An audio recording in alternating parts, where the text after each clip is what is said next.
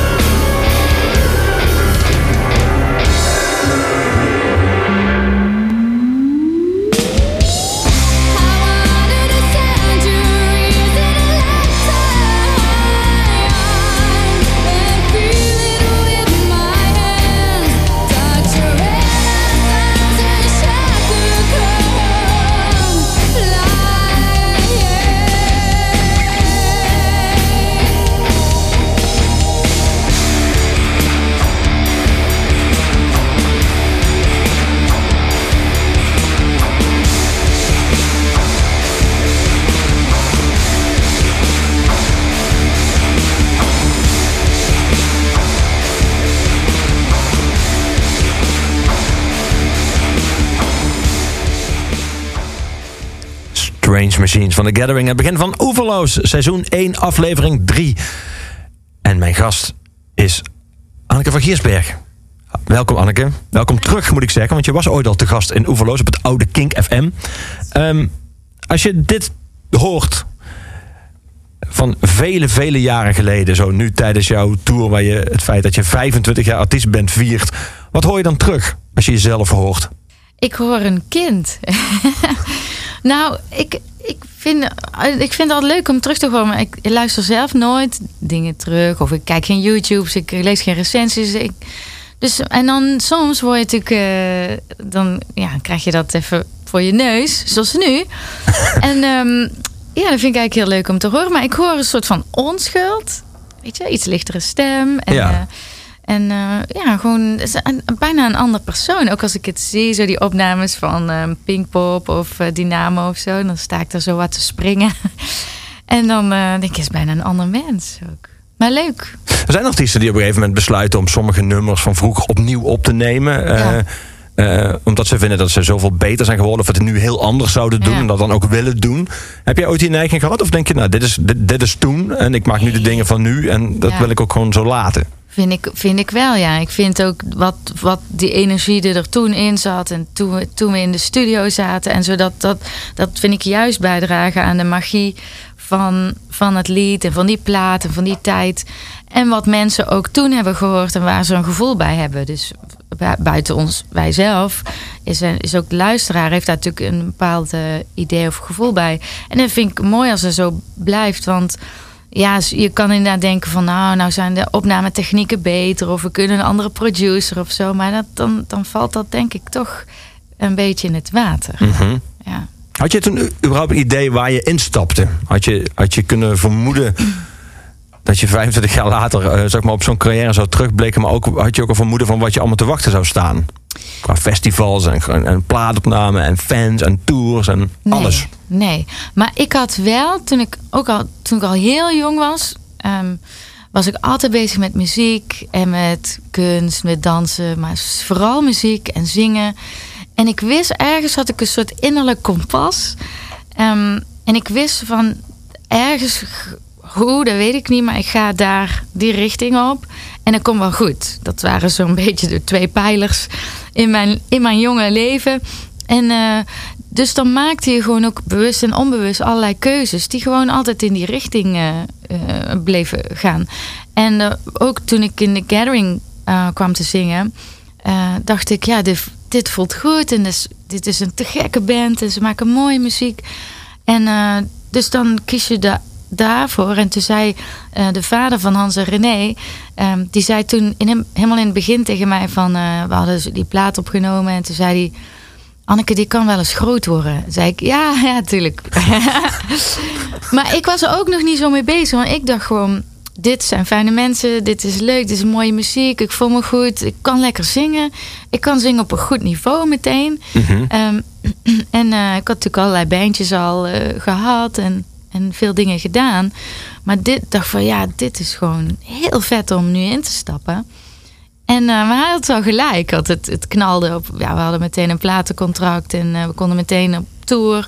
Dus dat, dat, dat ging erop meteen. En dat hij, daar denk ik best wel nog wel eens aan terug dat hij dat zei. En dat hij dat heeft aangevoeld. En, en ik niet, omdat, ja, ik zei net al, ik was ook echt wel jong. Ook Ja. jong van geest. En Mhm. ik stapte gewoon die tourbus in en ja, whatever man, lachen. Ja. Nu zijn dingen natuurlijk altijd veel bewuster. Ik maak, maak Ja. veel bewuster mijn keuzes. Maar ik vind het ook wel goed om.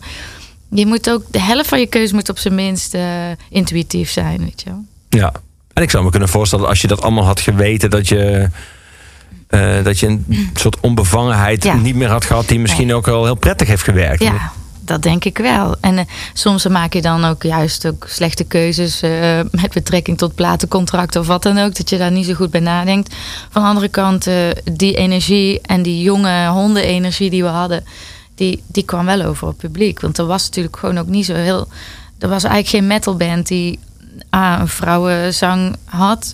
Eh, maar ook die zo gewoon en totaal deed wat ze. eh, wa- wa- ja, wat, wat, er, eh, wat er voelde. Mhm. Dus ehm, ja, dat, ik vond het wel nog steeds een unieke band. Wat is jouw verhouding inmiddels met het nummer? Dit was, dit was meteen een grote hit. Het nummer heeft jullie veel gebracht. Maar heel veel artiesten krijgen op een gegeven moment ook een soort ambivalente verhouding met die eerste grote hit. Omdat dat dat nummer is waar iedereen dan over begint. Dat nummer dat iedereen kent. Dat nummer dat je ook de rest van je leven moet blijven spelen. En Ja. hoe is dat bij jou?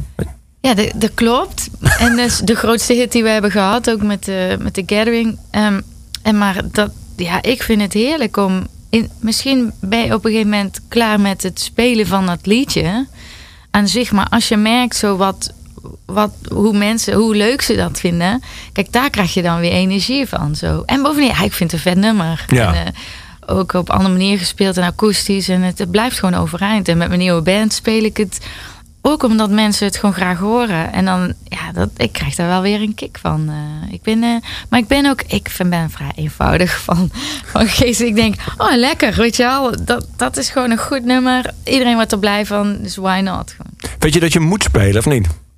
Eh, ja, ik vind, Als jij zelf naar een band gaat en je, en je- wil je dan die, die ene, als ze er één hebben gehad of sommige meer, die, die, die grote hits horen? Of vind je dat ze mogen spelen wat ze willen en desnoods een hele catalogus mogen omgooien of totaal andere versies of gewoon nummers overslaan die... ja. Ja, ik ben wel eens naar Weezer Mhm. gegaan en eh, die speelde toen alleen maar nieuwe songs van een album waar nog niet uit was. En eh, dus iedereen stond op een gegeven moment te duimen draaien van, ja, wij willen gewoon die, eh, die hashpipe en zo Ja. horen. Was, jij eh, de- de- een van die mensen? Ja, Ja. Ik, vind het wel, ik vind het wel lekker als we gewoon dan worden bediend. Zo op die van, oh ja, dat is een lekker nummer, weet je wel. En tuurlijk, nieuwe songs en, en, en minder bekende songs, ja, dat is alleen maar gaaf, weet je wel. En, maar ja, die hit, die wil je gewoon horen. Ja. Wat was jouw muzikale bagage toen je begon? Toen eh, 25 jaar geleden die band... eh, wat, wat, wat, wat, wat, wat, had je al veel muziek tot je genomen? Ja, ja, mijn ouders hadden een hele toffe, uitgebreide, eh, brede plaatkast. Cool. Van Mahalia Jackson tot klassieke muziek tot ja, Beatles in the Stones natuurlijk. Daar hadden ze echt alles van, van allebei. Ehm, maar heel veel, nou echt Russische koren, van alles stond daar. Dus ik, maar ik heb alles ook geluisterd. En ik vond het allemaal op zichzelf eh, heel interessant en gaaf. En op een gegeven moment, toen ik 15 was of zo, ontdekte ik metal. En toen kwam ik wel echt thuis. Toen dacht ik, oh ja, oh, zo kan het ook. En oh, zo kan je ook je gevoel in muziek leggen. En die teksten, dat kan allemaal. Dus, dus er zijn geen taboes hè, in, in metal. Eh, dus de heel eerlijke, energieke muziek. En, en daar, daar merkte ik echt van, holy shit. En dat was... Was er niets in die platenkast van je ouders dat op de een of andere manier daar aan een soort van aan raakte? Was het, was het echt Nee. compleet nieuwe energie? Nee, ja, Hm. ze, ze, ze, hield- ze hadden een occasional prog album. Zo Exception, weet je die band uit Nederland. Ja, dat was dan ja, leuk. Ja, dat vond ik trouwens wel vet. Draaide ik ook heel veel. Ehm, maar echt toen ik zo Fate No More, Metallica, weet je, als Slayer hoorde. Ja, toen dacht ik, holy shit. Dit is het wel hoor. Maar en daarvoor, ik luister heel graag naar Barbara Streisand, Diana Ross. Maar echt hele goede zangers.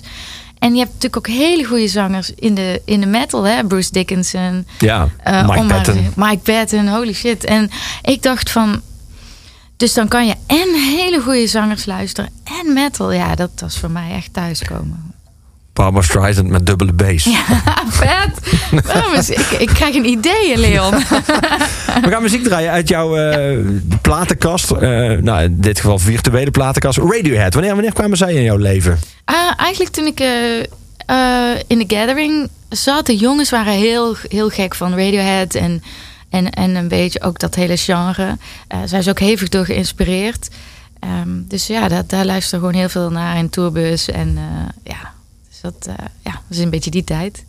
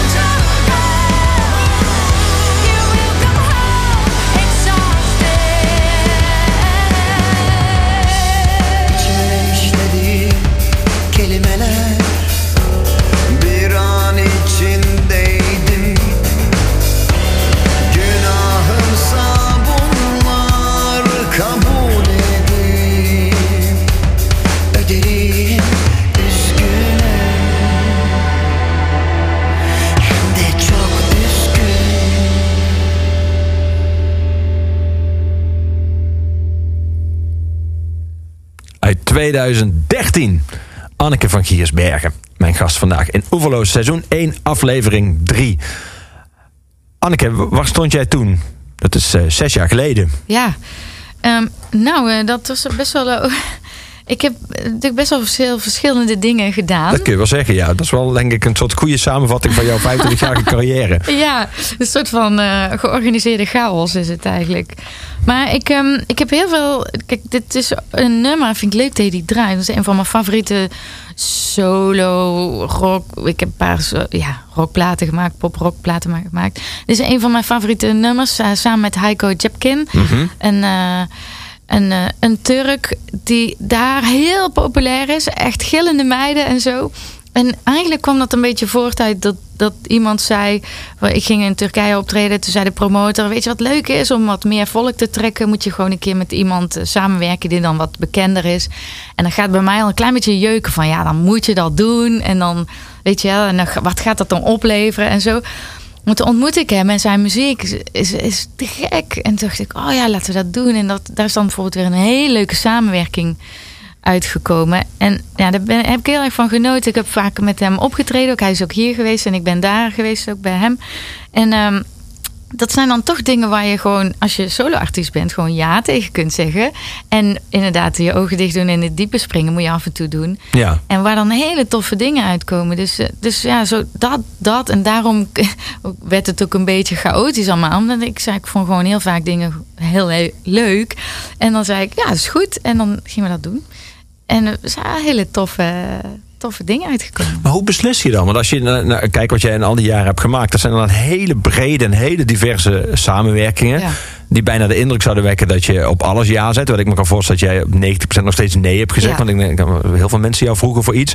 Ja. Eh, maar hoe besliste je dan? Was dat, je zei net van je moet ongeveer de helft, minstens de helft van je Ja. keuzes maken op intuïtie. Was het Ja. dat? Ah, eh, ah, ja, en, en eigenlijk maak ik veel meer dan de helft eh, van de keuze intuïtief. Ehm, dus dat is het gewoon. Als ik me daar goed over voel, of als iemand, als we dan een klik hebben, zo in het geval van Heiko. ehm, als ik denk, oh, ik kan hier iets van leren, of ik, ik krijg hier eh, nieuwe invloeden van, en dat, dat vind ik een nieuwe inspiratie, dat, dat, dat vind ik heerlijk. Dan zeg ik ja. Ehm, En wanneer heb je dan door of het inderdaad werkt? ja, dat, dat is toch een, een gevoel. Zo, ik heb hem ontmoet in Turkije. En hij is een hele vreemde vogel. Maar hij heeft hele, hele typische rechterzee denkbeelden... die op mij heel... eh, ik vond het fantastisch om hem te horen praten. Hij praat trouwens nauwelijks Engels. En heeft een manager die helemaal niks zegt. Dat is heel grappig. Die, En hoe is jouw Turks? eh, best wel slecht.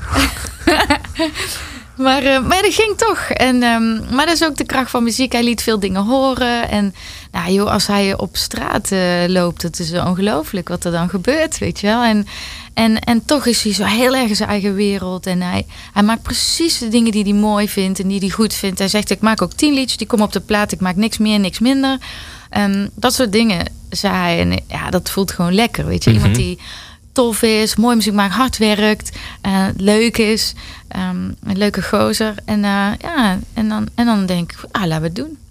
Toch is dat fascinerend voor een, voor een, eh, zeg maar voor een niet-muzikant zoals ik. eh, hoe de communicatie bij muzikanten werkt. Omdat die zo non-verbaal kan zijn. Ja. Ik herinner me dat ik een paar jaar geleden maakte ik een boek over. eh stelde ik een boek samen met allemaal verhalen over Bruce Springsteen. Daar hadden we ook een avond aan gekoppeld in de Paradiso. Waarin mensen eh, nummers speelden van Bruce. En er was een band samengesteld van Frans Pollux. eh, en die was aan het repeteren. En dan kwamen alle gasten kwamen dan langs daar een repetitie om dat ene nummer met de band te repeteren. Ja. En dan kwam bijvoorbeeld Marcel Hartenveld, een theaterman. Die kende die band niet, kende geen enkel band net. Die kwam binnen, mensen die elkaar nog nooit gezien hebben. Wel allemaal zeg maar, hun huiswerk hebben gedaan. Dat ene nummer hebben gerepeteerd. En die dan tegen elkaar zeiden, nou zullen we gewoon beginnen met het nummer. En die begonnen te spelen. En ze leerden elkaar eigenlijk kennen terwijl ze Rosalita van Bruce Springsteen speelden. En daarna, dat is een vrij lang nummer, was het nummer afgelopen. En het was bijna alsof ze het hele gesprek hadden kunnen overslaan. Weet je, normaal heb je een uur nodig om elkaar een soort van weet je, af te tasten. En een soort van. En dat was helemaal weg. Dat hoefde helemaal niet meer, want ze hadden samen gespeeld. Ja. Het is echt geweldig om dat te zien. Eh, ik kan me voorstellen dat bij zo'n samenwerking met een Turkse man die geen Engels spreekt, jij Ja. spreekt geen Turks, dat je ook een soort van ja, elkaar maar moet aankijken terwijl je Ja. staat te spelen van lukt dit, werkt dit? Ja. Ja, dat is, dat is helemaal wat het is. Het is non-verbaal, omdat ook muziek hangt in de lucht. Je gevoel hangt in de lucht. Het is, het is een soort energieopbouw die je hebt. En, en je moet eigenlijk, het enige wat je echt moet doen, is luisteren, kunnen luisteren naar je gevoel. En eh, ook gewoon dan ook even breinig nadenken. Is dit verstandig? Wat gaat het kosten? Wanneer gaan we dit doen? Zo, dus de praktische dingen moeten natuurlijk ook eh, regelen. Maar daar heb ik natuurlijk Rob, eh, mijn manager, man slash manager voor. Die denkt dan heel veel na. En ik doe heel veel. Ik zweef Dat is, zo dat is de verdeling bij jullie. ja, hij is de denker, ik ben de doener. Dus, en dat werkt feilloos. Ja. Want ik ben echt ook wel echt met mijn hoofd in de wolken en zo. Maar ik, ik vertrouw wel op mijn gevoel intussen. En ehm, Maar zit je er ook wel eens naast? Je hoeft geen namen te noemen, maar is er ook een soort van Ja, ja. ergens een map met allemaal mislukte samenwerkingen die je toen je eenmaal in de studio stond dacht dit is toch misschien niet zo'n goed idee Ah, ja, geweest? Nee, nee, nee. Ge- geen dikke map, maar ik, nou, ik durf wel te noemen. Ik heb, ik, ik heb een, ehm, een, een project gedaan, dat heette The Sirens. Het was eigenlijk een live project met eh Carrie Ruslatten ehm, van The Third and Immortal en Liv Christin. En dat, wij zijn met z'n drieën eigenlijk de aller, allereerste ja, female-fronted hè, meiden die gewoon een band fronten uit de heavy muziek. Carrie was nog net wat eerder. Jongens van de Gathering waren heel erg door haar geïnspireerd. Ik dacht, als wij nou zo'n soort super trio maken, weet je wel, met ehm, songs van iedereen, zijn eh, oude band, iedereen zijn solo band, eh, covers, we doen elkaars liedjes en dan gaan we live op pad. Dat is toch super vet gewoon. Al die fans van toen en die ons nu nog volgen, ja, we zijn alle drie ongelooflijk verschillend. De drie tenoren, maar dan Ja, vrouwelijk. ja, en, En? ik dacht, nou, en dat, ja, daar kwam wel volk op af, maar niet zoveel als dat ik dacht. En iedereen zei, ja, je moet plaat maken, maar ja, dat gaat heel veel tijd en geld, dus dat hadden we gewoon niet. Ehm, dus wij, ik dacht, nou, ik had echt gedacht van, nou, dat is gewoon uber vet. En dat, nou, dat vond ik wel een beetje in het water vallen. Ook omdat een van de drie best wel een diva was. en haar manager ook. Ehm, en Carrie was heel erg lief. Nou, doe de mat. Ja. Maar, de, en, maar dat was. eh, Nou, en, maar met heel veel respect en liefde zeg ik dit. En we hebben alle, alle drie heel hard voor gewerkt. Maar ja, dat, dat valt dan, een, vind ik, een klein beetje in het water. Maar. ehm, En hoe kijk je daar dan? Heb je daar dan spijt van? Of denk je, nou prima, dat is- hebben we het ook weer geleerd of zo? Of dan eh, hebben we in ieder geval dat gedaan? Of, ja, nee, je gaat ook als je. Hè, we hebben wel, wel toffe tours gedaan en een paar toffe festivals. Maar je gaat toch financieel bijvoorbeeld een klein beetje de min in. Ja, dat, dat is wel een beetje kloten. Maar ja, dat hoort er een beetje bij. Met al die, ja, die. Je neemt toch een risico. Met elke plaat neem je een risico.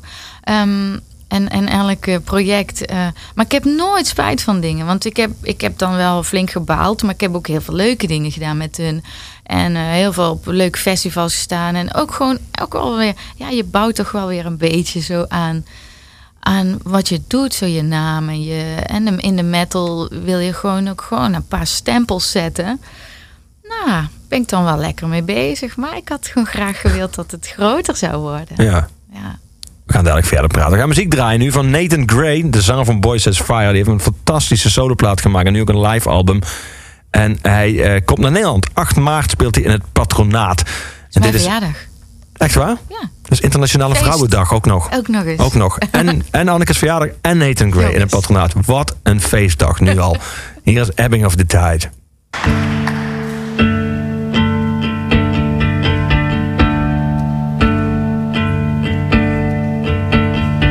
Siren scream, northern winds pull me back without defense. Smash against the rocks again. Shipwreck beaten down, lost at sea with broken sounds, calling me from all around. So I give what I have left tonight.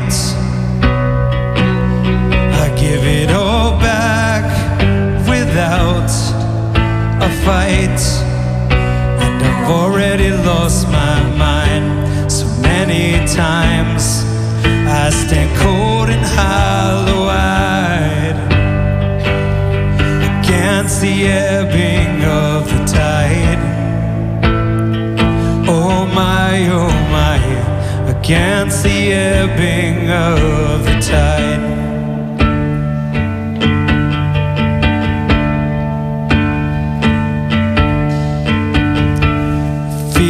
How this will end, analogies to help pretend that this is art, not incompetence straying from the simply put the skies with arrogance and hooks for washed up faith and so i give what i have left tonight.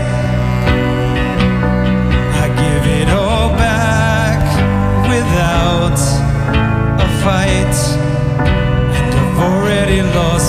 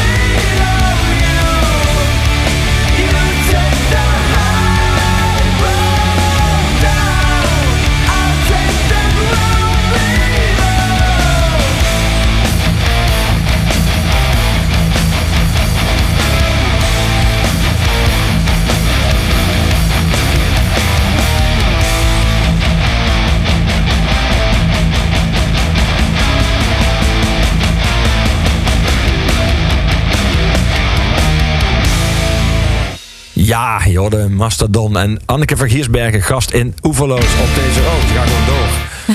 Dat vind jij niet erg, denk ik. Want Nee. jij gaat nu uitleggen waarom jij fan bent. Fan van Mastodon. Zo, nou, ik vind het geweldige band. Ik vond ze vroeger al helemaal te gek, maar nou, die laatste pakweg vier platen, die zijn geniaal. En als, alles wat ze doen, of altijd als ze naar Nederland komen, dan eh, ben ik erbij. Behalve nu, en dan moet ik zelf spelen en dan baal ik Domme. ervan. Ja. Nee, ik vind ze fantastisch. Ik vind wauw, gewoon te- teksten, ik vind de energie die erin zit, melodisch zijn ze super sterk.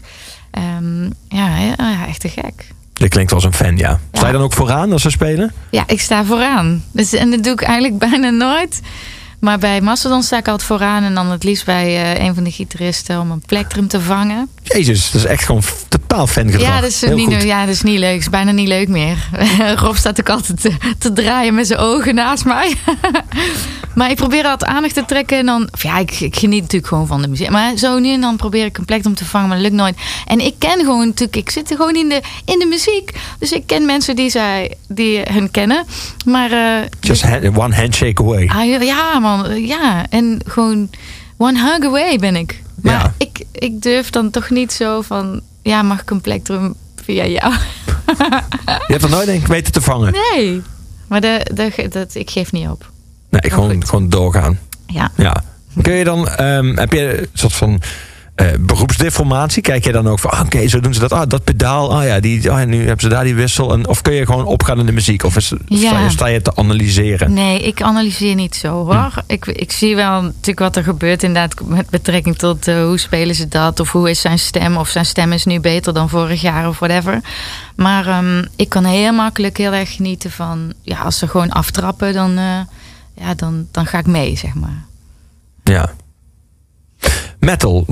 3% van eh, het aantal mensen dat actief is in metal is vrouw. Dat is niet zo'n heel groot percentage. Nee. Bij een gemiddeld festival, metal festival, kun je ook dat ook wel zien. Ehm, is, is, dat, is dat een probleem? Of is dat gewoon zoals het is? Ja, daar gaat het heel erg over hè. Ja, En, en, eh, nu alweer. En nu weer, maar en, en dat is prima hoor. Maar ehm, ik merk dat de, mijn collega-zangeressen in de metal eh, daar soms ehm, eh, eh, moeilijk over doen. Zo van ja, we zijn niet met zoveel, maar we willen wel als gelijke behandeld worden. Snap ik allemaal, dat vind ik ook. Ehm, maar of er moeten meer vrouwen in de metal en zo. Maar ergens, ik denk daar heel erg over na. Van ja, wat vind ik daar dan van? Maar ergens vind ik het wel lekker gewoon dat het zo. ja, wat wil je zeggen? Nee, ik moet er al lachen. Ik ben benieuwd wat nu komt. Ja, nou, ik vind, ik vind het fijn. Metal vind ik ook. Er zit een soort mannelijke energie in. Die vind ik goed. Zo. En eh, ik vind. Ik, ik ben daar heel zo nauw mee. Omdat ik had vroeger ook. Ik ben, mijn beste vrienden zijn allemaal jongens. Ik, ik, ik ben graag tussen jongens. Vind dat mannen over het algemeen eh, wat minder moeilijk doen. Ze zijn wat geaarder. En ik ben heel erg eh, in mijn hoofd in de wolken. Dus eh, ik vind dat een goede balans. Ehm, dus ik, ik, ik voel me daar heel prettig in een mannenwereld. En dat was natuurlijk vroeger, 10, 20 jaar geleden, nog veel meer. Ik vind het ook heel gezellig om vrouwen te zien in de metal. Ook als eh, luisteraar, hè, dus, maar ook als technici, fotografen, interviewers. eh, eh, instrumentalisten zijn er steeds meer vrouwen in de metal. En dat is, dat is te gek. Maar ik vind die balans. ah, Die mag best nog wel wat fluctueren, maar ik vind hem wel lekker gewoon zo. Ik vind het een mannenwereld, ik vind dat dat best wel mag zijn ook. Ehm, Wat zou de ideale percentage zijn in plaats van 97 tot 3? ja, drie vind ik wel heel weinig, maar 80-20? ja, zoiets. ja, het is ook zomaar cijfers, maar ik, het, voelt wel, het voelt wel goed.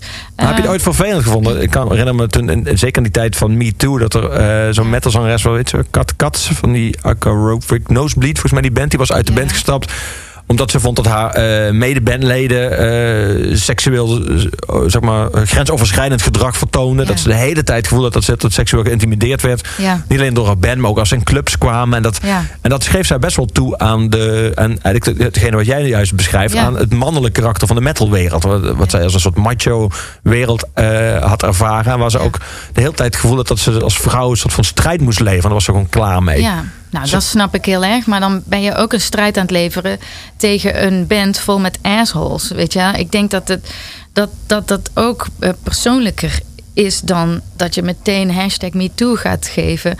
Ehm, er zijn gewoon in elke tak van sport, in elke laag, zitten gewoon assholes die, die geen respect hebben voor vrouwen. Ja, dan moet je uit die band. En dan moet je een nieuwe band gaan zoeken waar gewoon toffe gasten in zitten die gewoon respect voor je hebben.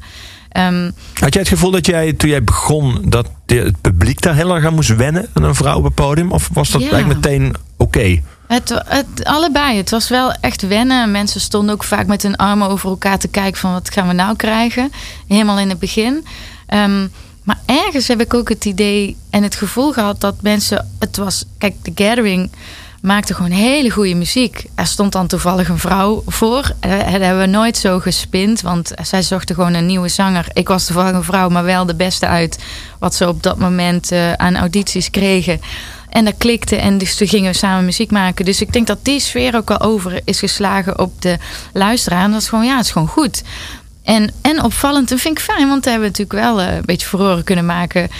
Ook met goede muziek, maar ook omdat we opvielen omdat ik een vrouw was. Ehm, nou ja, goed. En, en in dat opzicht gebruik je natuurlijk het feit dat je een vrouw bent. Ehm, maar Want de term female fronted metal, die bestond er nog helemaal niet. nee, Dat was helemaal geen Nee. keurmerk. Nee. en uh, vind ik leuk dat je het keurmerk noemt. Want heel veel vrouwen in de female fronted scene zeggen... we mogen die naam, die, die term niet meer gebruiken... omdat het, we zijn mensen die muziek maken, geen mannen of vrouwen. En ja, er is zo... Ik vind ook, er is gewoon een verschil tussen mannen en vrouwen. En de sfeer en het karakter van een band verandert... als je er een vrouw voor zet. Ehm, eh, dus nou ja, dat zijn gewoon feiten dan, hè? En ik vind dat we daar eigenlijk niet zo heel moeilijk over moeten doen. Ik vind dat gewoon, het is muziek. Hou je van vrouwenzang, dan luister je daarnaar en anders niet. En eh, ja, en that's it, weet je wel. En als protest tegen assholes en bands gaan we nu luisteren naar dit nummer van jou.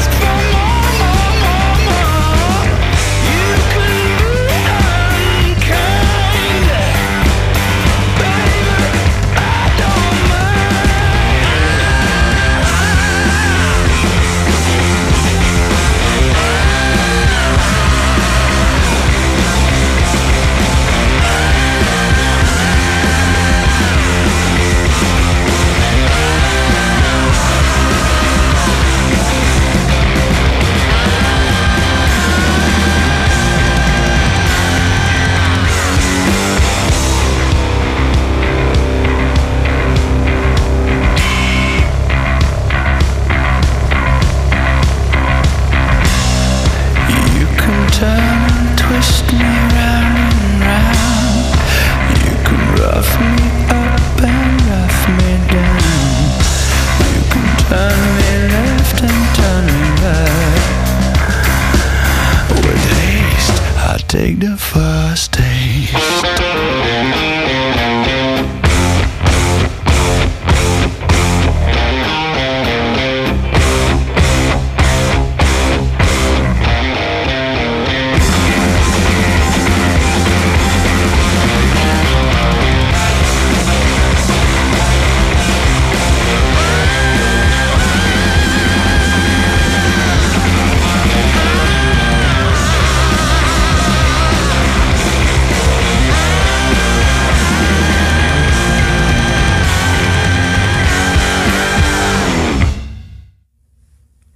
fan van? Anneke Ja. van Giersbergen? Lekker. Ja, Triggerfinger? Ja, over goede zangers gesproken, hè? Ja, we hadden van Nathan Wauw. Grave een goede stem die heeft, maar dat geldt zeker voor. Ja. Ja, en weer helemaal anders. En, eh, en zoveel energie. En zo, hij kan echt alles wat hij zou willen zingen, kan hij zingen. Vind ik tof. Heel cool. En goed live ook. Nou, inderdaad. Ehm, die muziekscene waar jij ooit instapte 25 jaar geleden, is dat een wezenlijk andere dan die van eh, 2019? Ja, ik denk dat hij wel. Er verandert veel. Hè? Eh, ah, In, ik denk in elke scene wel, omdat steeds meer kruisbestuivingen komen. En, en ook dat de, het aantal vrouwen eh, toeneemt. Maar bijvoorbeeld als je kijkt naar de, de vrouwelijke zangers in de metal, dat dat. Dat, dat heeft ook weer een vlucht genomen. Dus eh je hebt nou veel meer eh, vrouwen die bijvoorbeeld kunnen grunten en kunnen zingen en zo. Dat, Hoe is jouw grunt? Ja, vrij slecht. Ik heb wel eens een paar lessen genomen bij eh, Marcella Bovio. Die kan dat heel goed. Krijg je gruntles? Ja, want het is een techniek. Hè? Het is gewoon niet eh, van ik ben verkouden en ik, eh, ik doe wat. Maar, maar het is echt een techniek. En het heeft vooral heel veel met uithoudingsvermogen, longinhoud en, en je keeltechniek en zo te maken. Maar, en dus, dus je moet dat opbouwen en trainen. Eh, en dan wil, ja, dat, wil ik niet.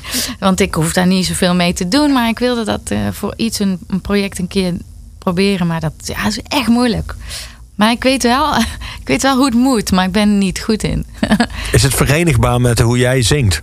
Mm, nou, ik denk niet dat het past bij wat ik doe. Ook niet in de metal, nee. Nee. Ik luister wel graag naar mannelijke grunters. Vind ik tof. We hadden het over die verandering in die muziekscene. Maar dat is, eh, zelfs Gene Simmons heeft rock al een paar keer dood verklaard. Eh Hip-hop Ja. is natuurlijk veel groter dan 25 jaar geleden. Dat is van een. eh van, ja, ik ben kunnen zeggen van een underground muziekstroming is dat misschien wel de meest dominante muziekstroming geworden. Ook live inmiddels, wat ik ook jarenlang anders was. Was het eigenlijk alleen maar op studio albums een, een soort levend genre. En live liep daar een beetje achteraan, maar dat is ook helemaal ver- veranderd. Ehm, je had het begin over platenlabels. Jullie platenlabel, jullie eerste platencontract Ja. Dat is natuurlijk heel erg veranderd. Eh, eigenlijk is do-it-yourself is een soort van de, de nieuwe norm geworden. Ehm, heb je, als jij nu in de muziek zou, zou terechtkomen als beginneling, Eh, zou dat dan lastiger zijn, denk je? Of is het juist makkelijker omdat je min of meer gewoon nu thuis gewoon in principe kan opnemen goede kwaliteit en ook gewoon zelf iets op Spotify kan zetten en eigenlijk dus gewoon veel sneller kan beginnen? Ja, dat, dat wel. Je kan sneller beginnen en je kan heel snel iets heel moois maken. Hè? Als je talent hebt en eh, goede opnamemogelijkheden, ben je al heel eind. Ehm, maar dat betekent dus, te- dus ook dat er heel veel is out there. Gewoon veel goede bands, veel goede zangers, veel. Er gebeurt veel. Dus hoe kom je dan boven dat hele grijze gebied uit? Hoe val je dan op? Ja. En dat was natuurlijk vroeger handiger als je in een platencontract zat. Dan hadden zij meteen een distributienetwerk, meteen ook alle pers bij, eh, met zich mee. En, en die stopte daar gewoon een ton in. Hè? Dat Ja. was natuurlijk twintig jaar geleden ook weer aan mijn platenmaatschappij. Ik heb ook een platencontract, maar er zit echt geen ton meer in een plaat. Ehm, dat, is, dat is echt nog maar een schijntje wat je aan voorschot krijgt. Eigenlijk was dat het hoogst haalbare. Een platencontract bij Ja. een goede, goed label. En dan was eigenlijk ja, niet je bedje gespreid, maar dan was wel, er begon wel alles te ja, lopen. Ja, en bijvoorbeeld bij die eerste plaat Mandilo met The Gathering... Mhm. kregen wij een contract. Niet alleen dat, maar we werden eh, eh, meteen wereldwijd uitgebracht. Dus en daarna was het al snel een landje pikken. We gaan in Frankrijk beginnen, dan gaan we eens Duitsland kijken en zo. En dat is nu nog. Ehm, eh, dus, dus wij werden gewoon echt overal neergeflikkerd. En het pakte. Dus dat is ook een ding. Hè. Het moet ook, mensen moeten ook zin in hebben. En, dus dat, dat heeft gewoon enorm gewerkt. En, en nu kan je ook bij Sony of bij een groot label... is het echt niet meer zo van... eh, we stoppen er een ton in en we gaan ervoor. Er is gewoon veel. Eh, maar het is wel makkelijker om je muziek out there te krijgen... omdat je gewoon een eigen socials hebt. En eh, het kost niet zoveel om thuis op te nemen. Maar goed, wij gaan bijvoorbeeld... Ik heb mijn nieuwe band Vuur... dat is twee jaar geleden een plaat opgenomen. Daar gaat wel echt tijd en geld in zitten... Dus het is not easy nu om, om een plaat uit te brengen. Nee. We gaan naar Devin Townsend luisteren. Wat is, Yes. eh, wat is het begin van jullie samenwerking geweest? Ehm, nou, dat was heel leuk eigenlijk. Want ik, eh, ik vind Devin natuurlijk al en Strapping Young Lad natuurlijk al, al heel lang heel gaaf. En ik had een, een song, ehm, Hyperdrive, dat heb ik, eh, heb ik live gespeeld met eh, mijn band in 2008 of 9 of zo. En ik dacht, misschien is het leuk. Ik had in Chili opgetreden met een goed publiek. En ik dacht, nou, weet je, misschien leuk om je YouTube een keer naar hem te sturen. Zo van, ja, ik doe jouw nummer en gaaf, weet je. En ik vind jou gaaf. En ik kende niemand die hem kende, maar op één persoon na, iemand van de platenmaatschappij. Ehm, en ik zei, en dat is een Duitser en ik ben een Nederlander en Devin is een Canadees. En ik mailde hem van, heb jij een e-mailadres van Devin? Want ik wil hem een, een YouTube-link sturen. Gewoon even zeggen dat ik van hem hou. En toen zei hij, ah, dat is toevallig, want ik zit in Noorwegen naast Devin op de bank. En eh, dus die zei dat gewoon mondeling tegen hem van eh, ja, Anneke die en hij kende mij ook eh, gaaf, vond ik gaaf. Ehm, dat was al gaaf. En toen zei hij van oh en dan vond hij heel gaaf dat ik dat, dat nummer deed. En toen zei hij van ja, ik ben nou bezig aan een plaat en ehm, heb je zin om eh, mee te zingen? Want ik zoek eigenlijk nog een, een vrouwelijke stem daarvoor. En eh, maar twee maanden later zat ik in Canada met hem op te nemen. Helemaal te gek. En sindsdien veel met hem samengewerkt. En nog. Zie je, zo makkelijk kan dat. Je hoeft niet elke keer vooraan te staan hopen tot Plectrum. Je kan gewoon een mail sturen naar Mastodon. Ja, ja, forget, forget the pleasure, man. Nee, maar dat, dat klopt. Maar dat is ook een gevoelsding. Zo van, weet je wat, ik ga hem mailen. En hij heeft ook zo van, weet je wat, ik ga haar vragen. Zo. En, dan, en dan gaat dat, ja, dan, en dan, ja, dat is leuk. Dus een van mijn vaste samenwerkingen is, is met hem gewoon.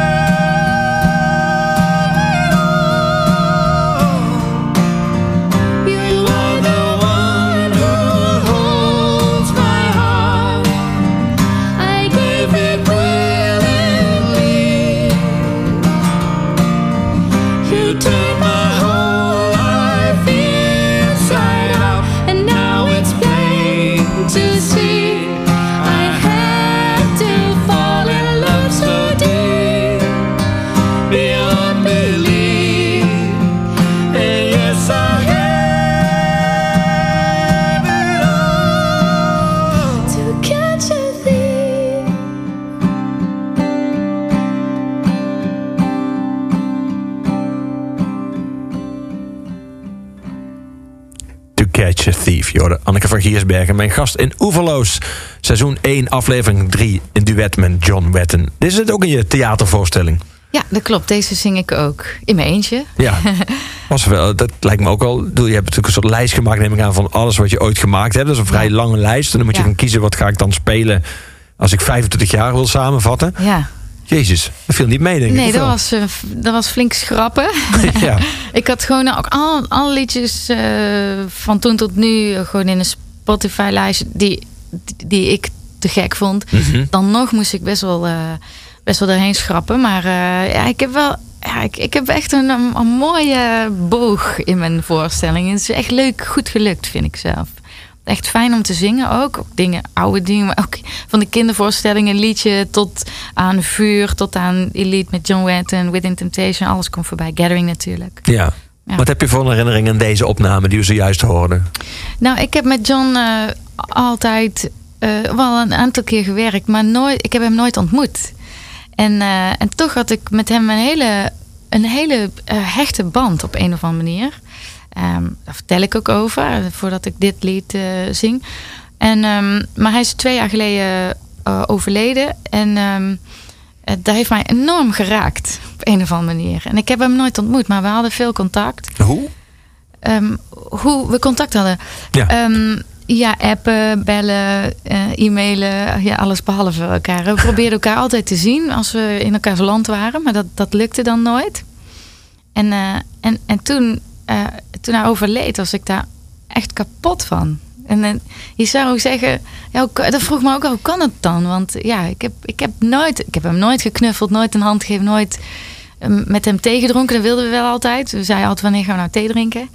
Dat was ons ding, maar eh het is er nooit van gekomen. En eh, ik, heb, ik voel dat als zo'n enorm gemis, op een of andere manier. Ehm, en nog, en ik mis, ik, ik, ik mis hem gewoon. En ik denk vaak aan hem. En als ik hem zo hoor zingen, dan, ja, dat raakt me heel diep. Ja. Maakt dat niets uit voor zo'n nummer? eh, dat je niet fysiek in één ruimte samen bent? Nee, Dat want, is wat sommige mensen natuurlijk denken. Dat Ja. van, ja, maar dat kan het nooit. eh, dat hoor je, of dat merk je, of dat voel je. Maar dat is dus helemaal niet zo. Ik denk het niet. Ik denk waar we het ook al eerder over hadden. Dat, dat dingen ook, dat bijvoorbeeld inspiratie en energie en muziek en, en, en intuïtie, dat hangt in de lucht. Dus het maakt ook niet uit waar je dan bent. Natuurlijk had ik het te gek gevonden als hij in de studio zou zijn voor dit bijvoorbeeld. Ehm, maar eh, het maakt niet uit, want je hoort zijn stem. eh, ook toen ik die, die opnames van hem voor deze opname eh, teruggestuurd kreeg van hem. Dan hoor je die dus in de solo zonder muziek erbij. En dan hoor je hem schuifelen met zijn voeten. En je hoort hem kuchen. En je hoort hem zijn stem kraken en zo. En dan ben je eigenlijk zo dichtbij, omdat je op koptelefoon hoort. Dan, dan, dan maakt die afstand maakt niks meer uit, want die is er niet meer. Omdat Nee, je het nee. hoort, omdat je het voelt. Dus dat is ook, ja, kijk, en als we dat dan horen en ik kan daar weer overheen zingen, ja, dat is natuurlijk, ja, dat is de, the next best thing. Ja. Het is niet in één ruimte, maar zoals van in je hoofd. Ja. Het, ja, het is heel dichtbij dan. Ja. De komende weken ben je nog te zien met je theatervoorstelling in het hele land. Echt het hele land. Ja, overal. dat klopt. En daarna ga je naar Zuid-Amerika. Ja. En dan naar Japan. Ja, ook leuk. Dat is een, dat is een mooi jaar, het vooruitzicht. Ja. in Zuid-Amerika heb je heel veel gespeeld. Eh daar ben je ook heel bekend. Hoe is dat in Japan? Nou, ik weet het niet. Eh, sinds we, ook met de Gathering, we hebben altijd platen uitgebracht, stonden altijd in de bladen. Maar we zijn nooit daar geweest om te spelen. Om een of andere eh, mystieke reden. Ehm, dus dat gaat nou echt na 25 jaar voor het eerst ga ik naar Japan. Dat vind ik superleuk. Maar er zijn zoveel metal bands, of bands uit dezelfde sfeer, die daar gewoon altijd spelen. Wat heb je daarvan verhalen van gehoord? Ja, het dat- Japanse publiek. Ja, dat het heel erg leuk is. Dat ze heel erg eh, trouw zijn into eh, ook de metal zijn. Dat er een grote metal following is. En alternatieve muziek following. En eh, dat dingen daar tot in de puntjes geregeld worden. Want dan ga je naar Zuid-Amerika toeren en daar is alles één grote chaos. Ook leuk. En eh, ze zeggen ook van, nou dan ga je naar Japan en als ze dan twee minuten over tijd zijn, dan willen ze daar harakiri plegen. Dus het, is, eh, het lijkt me spectaculair om daar te spelen. En ik heb er nog een vrije dag aan vast kunnen plakken. Dus we kunnen daar lekker rondlopen en sushi eten. Dus ik heb daar wel zin in. Tof, mooi vooruitzicht. Ja, Dankjewel dat jij was in Oeverloos. Leuk om je weer terug te hebben hier. Ja, nice, en veel plezier met de rest van je theatertour. En met Zuid-Amerika en met Japan. Ehm, volgende week hier schrijver Rob Bouwmans over zijn nieuwe roman. De week daarna eh, schrijver en dichter Erik-Jan Harmens. En de komende weken onder meer Rick de Leeuw en Aafke, Ro- Aafke Romein. En de nieuwe dichter des Vaderlands, Seat Bruinja. Allemaal hier in Oeverloos. Iedere zondag van 10 tot 12 op Kink en als podcast. En het laatste woord van iedere oeverloos, ook van deze, is uiteraard aan onze huisdichter. Het laatste woord is aan Luc de Vos.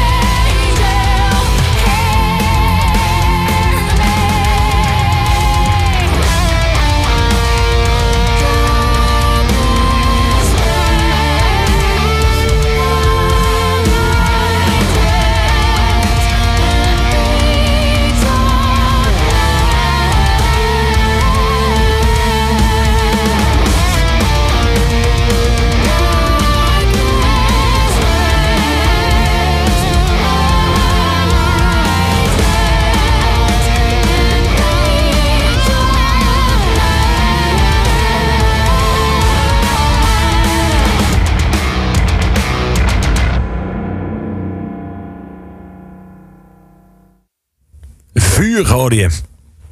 Oftewel, de nieuwe band van Anneke van Giersbergen. Mijn gast in Oeverloos. Seizoen 1, aflevering 3. Het is heel verleidelijk om eh, te veronderstellen dat jij na vele omzwervingen eh, door de hele muzikale wereld uiteindelijk bent teruggekeerd bij je eerste grote liefde, de metal. Klopt dat? Ja, dat, dat, dat, dat is wel iets wat leeft bij mensen. Van, nou, je bent weer terug. Ja, welkom Maar- terug. En Ja. de- En de dark, bij de dark side. ja, dat vind ik, eh, dat vind ik fijn. Maar eh, dat mensen dat eh, verwelkomen. Alleen ja, ik heb nooit het gevoel gehad dat ik weg ben geweest. Nee. Maar ik heb natuurlijk zelf, mijn soloplaten zijn nooit tot nu toe niet metal eh, geweest. Ehm, maar ik heb natuurlijk wel met Arjen en met Devin en met al die gasten heb ik natuurlijk veel gespeeld ook. En, ehm, en eh, dus, dus ik heb, ik, ja, en ik luister metal, dus voor mijn gevoel ben ik daar gewoon. eh, alleen ja, ik heb allerlei andere dingen ook gedaan. Ja, meer poppy dingen, Nederlandstalige dingen, eh, Ja. allerlei verschillende stijlen. Ja. Ehm, ik zou me kunnen voorstellen dat voor sommige van jouw vaste fans daardoor af en toe moeilijk was om te volgen waar je je nou precies bevond. Ja. En op hoe, hoe ver, hoe groot de afstand van ze. Ehm, Dat klopt, dat klopt. Ja. het- ja. was dat, was dat, eh, had je veel uit te leggen? Of dacht je van ja, dat is, nou, je moet maar gewoon volgen of niet? Of jullie haken later wel weer een keer aan? Ja, Eh, dat, dat is eigenlijk wat er gebeurt, inderdaad. Dat is, dat is een grote groep mensen die volgt alles. Die vinden dat gewoon ook verrassend. Van wat gaat ze nu doen? Oh, een kindervoorstelling in het theater. En daar komen ook metalheads op af- af. En ook mensen die mij bijvoorbeeld bij de Wereldrijd doorzien op een akoestische gitaar. Die mij daar ontdekken, die komen dan kijken. Maar die komen dus ook nu naar vuur kijken. En, dus, dus, en die vinden dat ook tof. Omdat uiteindelijk ehm, is er een grote groep mensen die het leuk vindt om te volgen. En om, te, en om gewoon dat. Eh, die vinden ook metal, hoewel ze daar normaal gesproken niet naar luisteren, een soort van theaterachtig iets met vlammen op het podium en een man met een grote baard. En eh, dat vinden ze gewoon spectaculair. En dus dat is een andere beleving dan mensen die echt uit de metal komen en die daarover nadenken, nou, naar de teksten luisteren. En, Ehm, maar die staan wel naast elkaar in die, bij die shows. Eh, of in het theater. Of, dus dat vind ik heel tof om te merken dat het uiteindelijk er bijna niet meer toe doet wat je maakt. Als het maar eerlijk is, als het maar goed is. En, eh, het En als komt- het jouw stem draagt. Dat is natuurlijk Ja. tamelijk bepalend bij al die Ja. muziek. Het constante is jouw Ja. eh, niet-gruntstem, zeg maar. Ja, dat, dat klopt. nee, dat willen ze ook niet horen, hoor, mijn gruntstem. Maar eh, nee, maar dat is, dat, dat is inderdaad een, eh, ja, een, de glue eh, met, met alles. Is, Ja. is inderdaad de zang. En, en de mensen vinden dat fijn om te horen. Vind, ik- vind ik ook te gek dat, dat, dat het dus niet uitmaakt. En, en ik doe niks wat ik niet leuk vind. Dus, dus het blijft, kijk, die energie en die sfeer en zo blijft gewoon eerlijk en vanuit het hart. En ik denk dat dat eerder overkomt dan dat mensen denken: oh, ik hou niet van metal of ik hou niet van een rustige akoestische show, weet je wel. Ja. Ja. Maar ik heb wel, wat ik wel heb gedaan is, nu de laatste paar jaar heb ik gewoon ook die metalband opgericht. Vuur, zo alles wat ik metal en heavy doe, dat gaat onder de noemer Vuur met deze mensen. En al het andere, dus in theater kun je ook heel breed eh, gaan, doe ik onder mijn eigen naam. En dat is, eh, en die solo akoestische dingen ook verder en mijn project en zo. En dat brengt wel een soort van eh, rust ook bij de luisteraar. Van, oh ja, vuur, oh ja, dat vind ik gaaf of niet, of whatever. Dan kunnen ze kiezen en dat, dat, dat brengt wel wat eh, duidelijkheid. Ja. Toch zie je soms bij mensen dat als ze, een, een- als ze het experimenteren slaan op allerlei verschillende muzikale stijlen, dat ze dan sommige genres waar ze ooit van hielden, of als ze zichzelf bijna toe rekenen, dat ze daar verder van afdrijven. Maar het lijkt bij jou alsof het allemaal eh, meer naast elkaar heeft bestaan, Ja. dan dat het nou het een per se het ander heeft vervangen. Nee, nee, absoluut niet. En sterker nog, ik, ik heb veel, daar moet ik een heel klein beetje naar uitkijken qua zeg maar gezondheid. Maar ik doe heel veel dingen tegelijkertijd ook. Dus als ik tour met vuur, dan schrijf ik een solo akoestische plaat en ik doe een project en dan ga ik weer toeren. Nou, nu in het theater. Ehm er zijn er ook weer andere dingen die ik dan tegelijkertijd doe. Dus er lopen altijd veel eh, dingen door elkaar heen Mhm. Ik vind het ook fijn om bezig te blijven en om, om me te laten inspireren op verschillende fronten. Maar Is dat voor jou zelf wel altijd overzichtelijk? Want sommige fans raken misschien af en toe het spoor bijster, maar jij zelf ook? nou, muzikaal niet. Maar gewoon, het, soms ontbreekt mij gewoon aan de tijd om bijvoorbeeld ook echt ergens echt in te duiken, waardoor het echt, echt ook heel goed kan worden. Dus ik, ik heb nu wel ook gezegd, ja, ik moet, moet ook wel een beetje kiezen tegenwoordig, omdat ik gewoon meer de tijd wil nemen om bijvoorbeeld een plaat te maken. Ik ben nou aan het schrijven voor een akoestische, solo-akoestische plaat. Ja, ik heb heel veel ideeën, maar ik moet, ergens moet ik daar wel gewoon de tijd voor gaan pakken om te focussen. Dus dat wil ik wel veel meer doen, gewoon om dat toch nog, nog veel meer diepgang ook in te krijgen. We gaan naar iemand luisteren die ik nog niet kende, die ik nu ga ontdekken dankzij jou. Suzanne Sundver heet zij. Ehm, spreek ik het goed uit? Ik denk, het- ik weet eigenlijk niet. Eh, wie is zij? Kun je, kun je iets vertellen over haar achtergrond? Of ken je eigenlijk alleen maar haar nummers en heb je ook geen idee Ja. naar wie wij nu gaan luisteren? Nee, ik volg haar in- intussen op Insta, maar verder dat doet ze ook niet zo heel veel. Maar ehm, ik heb haar echt door een Spotify-lijstje leren kennen. En ik dacht, wat is dat? Wat hoor ik nu voor een engel zingen? En ik, ik, ik zei net al, ik ben niet heel, niet heel erg van de vrouwenzang. Mijn favoriete zangers zijn allemaal mannen. Maar zij is heel speciaal en ze maakt ongelooflijk mooie muziek. Ook van alles, eh, meer elektronisch, maar ook eh, singer-songwriter, hoe je het wil noemen. Ehm, ze maakt ongelooflijk mooi. Dat is een Noorse, volgens mij. En verder weet ik niet zoveel. Ik luister, haar, eh, ik luister het echt helemaal plat, heel haar oeuvre. Eh, maar verder weet ik niet zoveel van haar. En ze was laatst in Nederland en toen kon ik niet gaan kijken. Dat vond ik jammer. Maar verder... Dat is wel een nadeel, heb je nu al twee keer gezegd. Van Ja, die zoveel klopt. spelen dat je ook heel veel mist. Ja, ik mis echt veel. Dat vind ik, dan baal ik dan nog wel eh, van. Verder. Ja. Het nummer heet Reincarnation en het, het, het is van een album dat uit 2017 dat een fantastische titel heeft, namelijk Music for People in Trouble. Suzanne Sundver.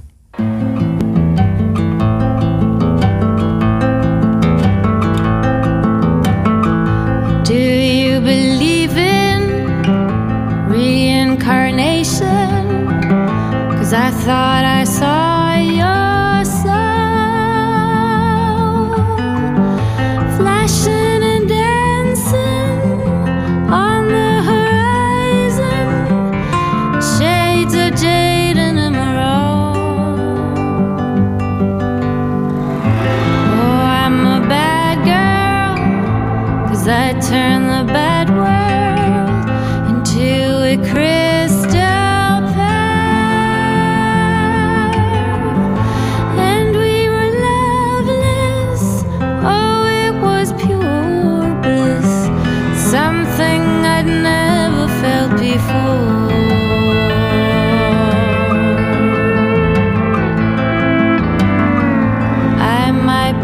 crazy, baby,